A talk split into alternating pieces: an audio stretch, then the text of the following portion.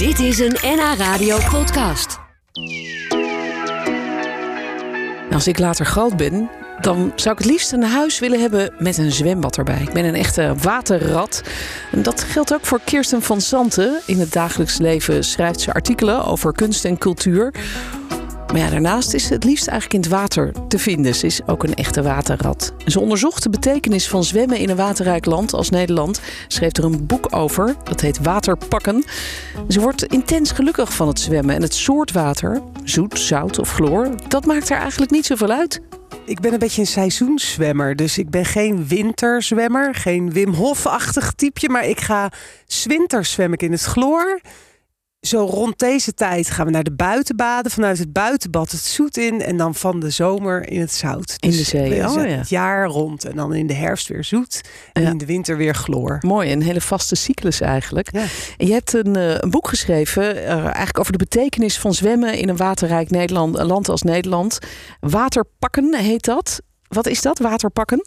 Ja, waterpakken. Ik, ik, ik heb een zwemtrainer. En uh, dan uh, op woensdagavond vertelt hij uh, hoe je water pakt. dat is een hele technische term eigenlijk.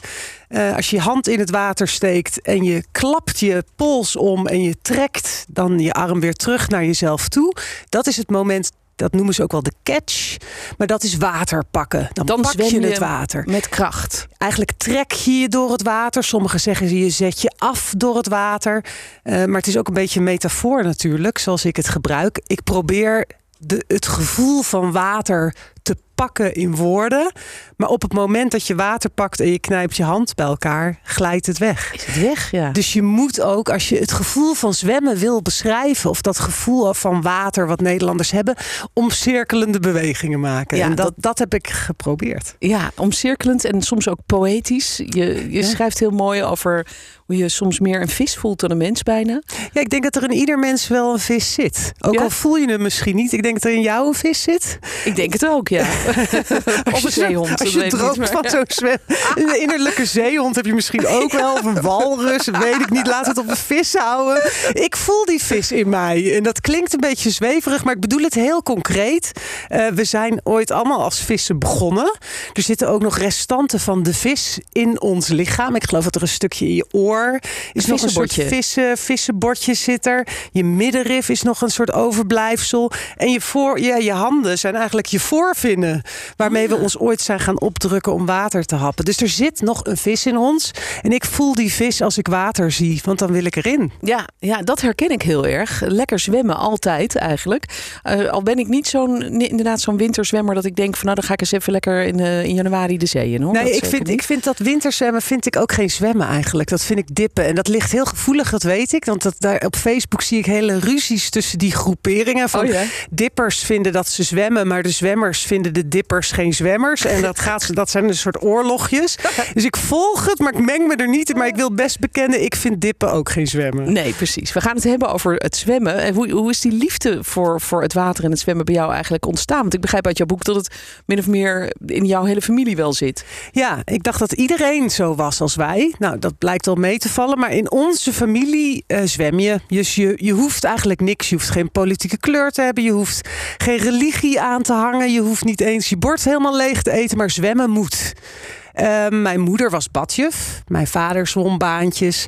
Mijn tante zwommen. Mijn oom zat op waterpolo. En het ging bij ons thuis altijd over zwemmen. Eigenlijk tot op de dag van vandaag. Oh ja? Heldhaftige zeeverhalen.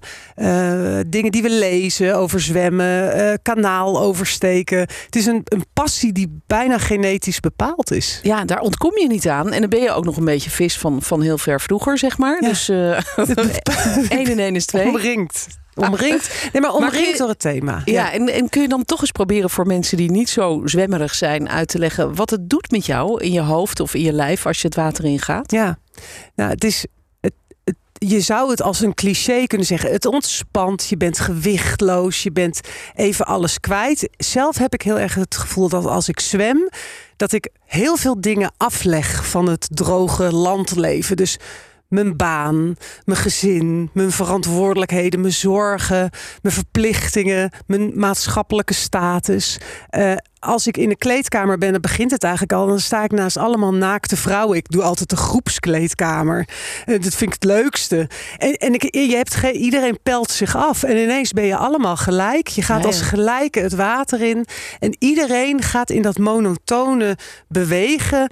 Uh, komt keert een beetje naar binnen. Dus dat doe je samen, maar je keert allemaal naar binnen en je uh, gaat eigenlijk. Ik kom soms op ideeën. Dus er ik leg nieuwe verbanden, uh, er komen ingevingen. Ja, want wat zit er in jouw hoofd dan als je het zwembad ingaat? Of, of het water in. Maar stel dat je gewoon eens even gaat uh, baantjes trekken. Ja, ik wil, heb wel afstand nodig. Dus ik vind het leuk om langere stukken te zwemmen. Eerst dan zijn er gewoon de gedachten van de dag. Van ik moet dit nog halen of wat ga ik vanavond koken. En op een gegeven moment wordt het stil. En uh, ploppen er langzaam inzichten soms op van... Oh, dat moet ik doen. Of uh, hier moet ik een column over schrijven. Of ik combineer twee dingen. Ja, een deel van je boek heb je misschien ook wel in het water geschreven. Ja, ik heb veel. Ja, heel veel. Ik heb, ik heb een jaar lang bijna uh, in een soort kokon gezeten van nadenken en zwemmen. Um, en, en wat er ook gebeurt, dat is wel heel belangrijk bij het zwemmen. Als je een beetje down bent en je gaat zwemmen, kom je er wat neutraler weer uit het water. Nou, maar als je heel erg mooi. up bent, word je ook weer een beetje gekalmeerd. Dus er komt een soort middenweg. En, dat, en ja, dat is heel erg aangenaam om te voelen. Ja, je wordt er zen van. En er zit een hele geschiedenis aan het zwemmen vast. Daar ben je ook ingedoken, om maar in de terminologie te blijven. Daar zullen we straks nog even over uh, hebben, want dan uh, praten we verder over jouw boek. Waterpakken heet het, een zwemgeschiedenis. Ik praat met Kirsten van Santen vandaag. Ze ligt het liefst in het water. En vandaag is ze gelukkig even hier om te vertellen over haar boek. Een boek over de geschiedenis van het zwemmen in Nederland. En uh, we werden uh, net gebeld, Kirsten, want we mogen een paar exemplaren van je boek weggeven. Ja, door leuk. Een mevrouw die zei dat ze 40 jaar zwemles heeft gegeven. 40 zo, jaar, zo. fantastisch. En toen dacht ik gelijk terug aan de tijd dat ik zwemles kreeg. Met zo'n haak ja. onder mijn arm. Heb jij dat ook gehad? Ja, ik heb ook nog de haak gehad. Ik, ik, ik meen nog me te herinneren naar dat koude metaal... Ja. wat dan even zo op je, op je rug werd gedrukt van uh, platter liggen jij. Ja. Ja, de haak heeft voor menig kind het zwem plezier wel weten te vergallen. Hij is weg nu. Ja, Hij, bij mij weten gebruiken ze hem niet meer. Nee, dus kinderen kunnen nu weer gewoon lekker leren zwemmen en ervan genieten. Dat doen ze in zwembaden, maar die zijn er ook niet altijd geweest. Jij schrijft ook in jouw boek over hoe dat eigenlijk vroeger ging. Hè? Want tegenwoordig zwemt iedereen wel. Ja.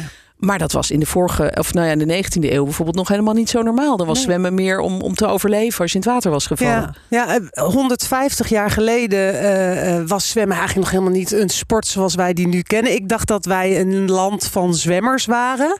Maar dat valt best wel mee. Eigenlijk pas sinds zo begin uh, 1900, toen de, de reddingsmaatschappijen, eind 1800 was het geloof ik, uh, werden in Amsterdam de reddingsbrigade, de Koninklijke Nederlandse Reddingsmaatschappij opgericht. En pas toen begon men eigenlijk in te zien uh, uh, hoe je moest zwemmen, hoe je dat moest leren, wat je moest doen met een drenkeling.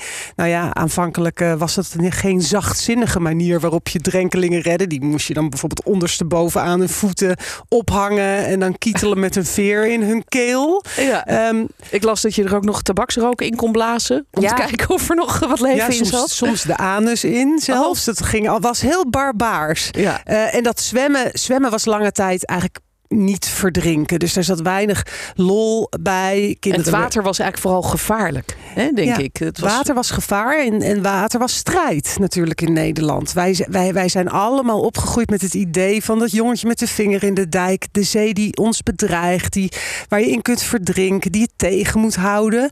Dus uh, uh, eigenlijk hebben we een cultuur gecreëerd van angst voor water. Dat is met die haak al een beetje zo. Dat is met enge kinderverhalen van kijk uit als je bij de, ik geloof dat in de buurt van Sparendam, hè, haantje pik waart daar rond in de sloot. En als oh.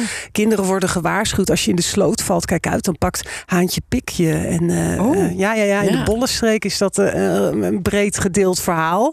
En ben je zelf nooit bang eigenlijk als je dat donkere water inspringt?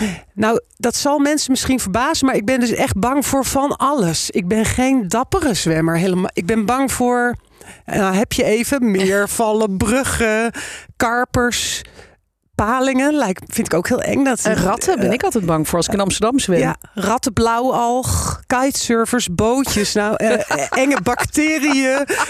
er is vrij veel om bang voor te zijn. En dat is het natuurlijk gewoon ook waar. Als je in het open water zwemt, stel je je bloot aan risico's. Maar omdat die risico's er zijn, maakt het dat zwemmen ook wel tot een hele bijzondere ervaring. Want um, ja, je overwint die risico's, je trotseert iets en je bevindt je ook wel in de wildernis. Ja, dat is ook wel mooi inderdaad. En je schrijft in je boek dat vrouwen door hun lichaamsbouw, dat verbaast mij wel wat, beter geschikt zijn dan mannen om lange afstanden te zwemmen. Ja, tot op zekere hoogte. Uh, Kijk, zwemmen is een technische sport. Dus je hebt niet alleen maar brute spierkracht nodig om je voor te bewegen. Dus daar, wij kunnen net zo goed die techniek uh, beheersen. Maar onze vetverdeling bij borst en billen is dusdanig dat we beter op het water liggen. We, blijven drijven. We blijven drijven. Door die vetbolletjes. Ja, dus geniet daarvan. En dat verklaart ook al waar ik, ik sta soms aan de start van leuke zwemtochtjes naast nou echt wel mollige dames. Uh, ik heb gezwommen in Annapolona met drie ontzettend leuke dames, waarvan één een flink postuur heeft. En die is verreweg de snelste van ons. Die ligt het hoogst op het water. Oh ja. uh, kan veel beter tegen de kou. Dus uh, vrouw zijn is in het open water zeker voordeel. Ja, maar dat wat ik dan ook nog wel grappig vind, je, je bent met een aantal bekende Nederlanders ook gaan zwemmen. Uh, en een daarvan bleek een naaktzwemmer te zijn. Die trok gewoon een hele zwembroek en alles uit en plotste erin. Ja, dat was de dichter Piet Gerbrandi, die klassicus uh, in Amsterdam aan de UvA is. Um, en hij heeft hele mooie dingen over zwemmen geschreven. En ik mocht met hem meezwemmen. Hij woont in Winterswijk, dus hij heeft daar een plas. En um, ik dacht, ik ken alle manieren van te water gaan, ken ik wel. Ik ken dat water.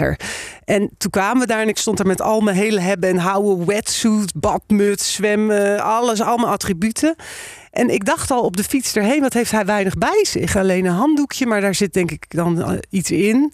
Maar dat was niet zo, want hij uh, werd poedelnaakt en hij stond daar. En toen dacht ik, ja, ja, nou moet ik ook maar niet zo tuttig zijn. En uh, hupsakee. En we oh, hebben samen naakt gezwommen in prachtig groen water. En we hebben op onze rug gedreven en naar de de eeuwigheid ingekeken. En toen zei hij dus, en dat vond ik heel ontroerend, hij wil helemaal niet iets hebben tussen zijn huid en het water. Mm. Hij wil zo dicht mogelijk bij die eeuwenoude atomen zijn.